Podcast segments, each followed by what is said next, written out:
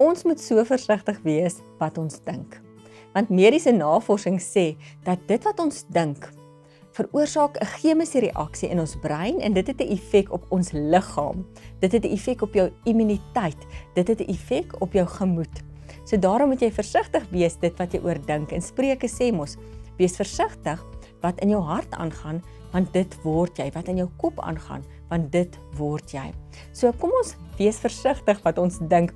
Hulle reken dat as jy jou vir 'n paar minute lank bekommer, dan onderdruk dit daarna jou immuunstelsel sommer vir 'n paar ure. Ek het hierdie interessante navorsingsstuk gelees en dit is gedoen by die Harvard Universiteit deur 'n ene professor Langer. Nou, dit was in 1989 het hulle hierdie studie gedoen. En hulle het 'n klomp mense gevat, ouerige mense bo 70 en hulle het hulle vir 10 dae lank na 'n vakansie oorgeneem. En hulle gesê vir hierdie 10 dae mag hierdie 70-jariges net dink aan musiek en aan tydskrifartikels en TV-programme en 'n tyd in hulle lewe 30 jaar gelede. Met ander woorde hierso in 1959. So hulle is teruggevat in hulle geskiedenis in en dis alwaaroor hulle maar gedink het en gepraat het en na daai tipe musiek geluister het, koerante gelees het van daai tyd. En toe doen hulle 'n uh, ondersoek op hierdie ouer mense. En weet jy wat was interessant? Hierdie ouer mense het 25 jaar jonger kognitief en fisiologies gereageer nadat hulle vir 10 dae lank net teruggedink het aan 30 jaar gelede toe hulle jonk was. So kyk nou net wat se effek het jou denke op jou liggaam. Hulle sê dat 'n mens se onderbewuste kan nie onderskei tussen waar en vals nie. Met ander woorde, as jy negatiewe goed in jou onderbewuste plant, dan gaan dit begin groei, dan gaan dit begin posvat. Jy gaan dit begin glo. As jy lank genoeg vir jouself iets herhaal, dan gaan jou onderbewuste dit begin glo. En daarom moet ons soos Paulus sê, elke gedagte gevange neem. Hy sê dit in 2 Korintiërs nou en dit onderdanig maak aan Christus en vir jouself vra dit wat ek dink. Is dit in lyn met God se woord? Is dit goed vir my?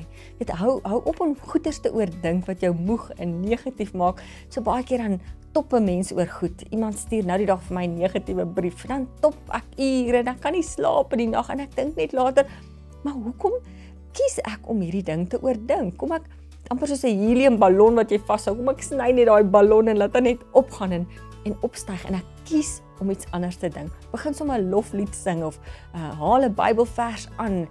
Kies bewuslik. Ek het 'n vriendin wat so rekkie om haar arm dra en dan sê sy elke keer as sy iets negatiefs dink, dan skiet sy haarself in haar rekkie om haarself te herinner daaraan dat sy moet opbouende goed dink want dit het 'n effek op jou liggaam. Ek lees dan die dag dat ons as ouers een positiewe ding vir ons kinders sê en dan teenoor 18 negatiewe goed wat ons vir ons kinders sê.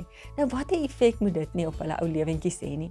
So kom ons uh, raak positief. Paulus sê mos so mooi in Filippense 4. Kom ons fokus op dit wat waar is en dit wat edel is en dit wat rein is en dit wat mooi is en dit wat prysenswaardig is. Dan sê Paulus kom rig julle gedagtes op dit. Laat ons dit doen en in God verheerlik ook met ons gedagtes. Nie net jou hart vir die Here gee nie, gee ook jou gedagtes vir hom interessante navorsing wat gedoen is dat hulle MRI 'n breinskandering op 'n persoon gedoen het en dan het hulle die woord nee vir minder as 'n sekonde vir hierdie persoon geflits. En onmiddellik het daar 'n reaksie in hierdie persoon se liggaam plaasgevind en dit het hulle taal aangetas en uh, hulle spraak en hulle logika en dit het hulle angstig gemaak. Dit het hulle geïrriteerd gemaak. Daai een woordjie nee wat vir minder as 'n sekonde voor hierdie persoon geflits het. So kies wat jy dink vandag, want dit het 'n effek op jou liggaam.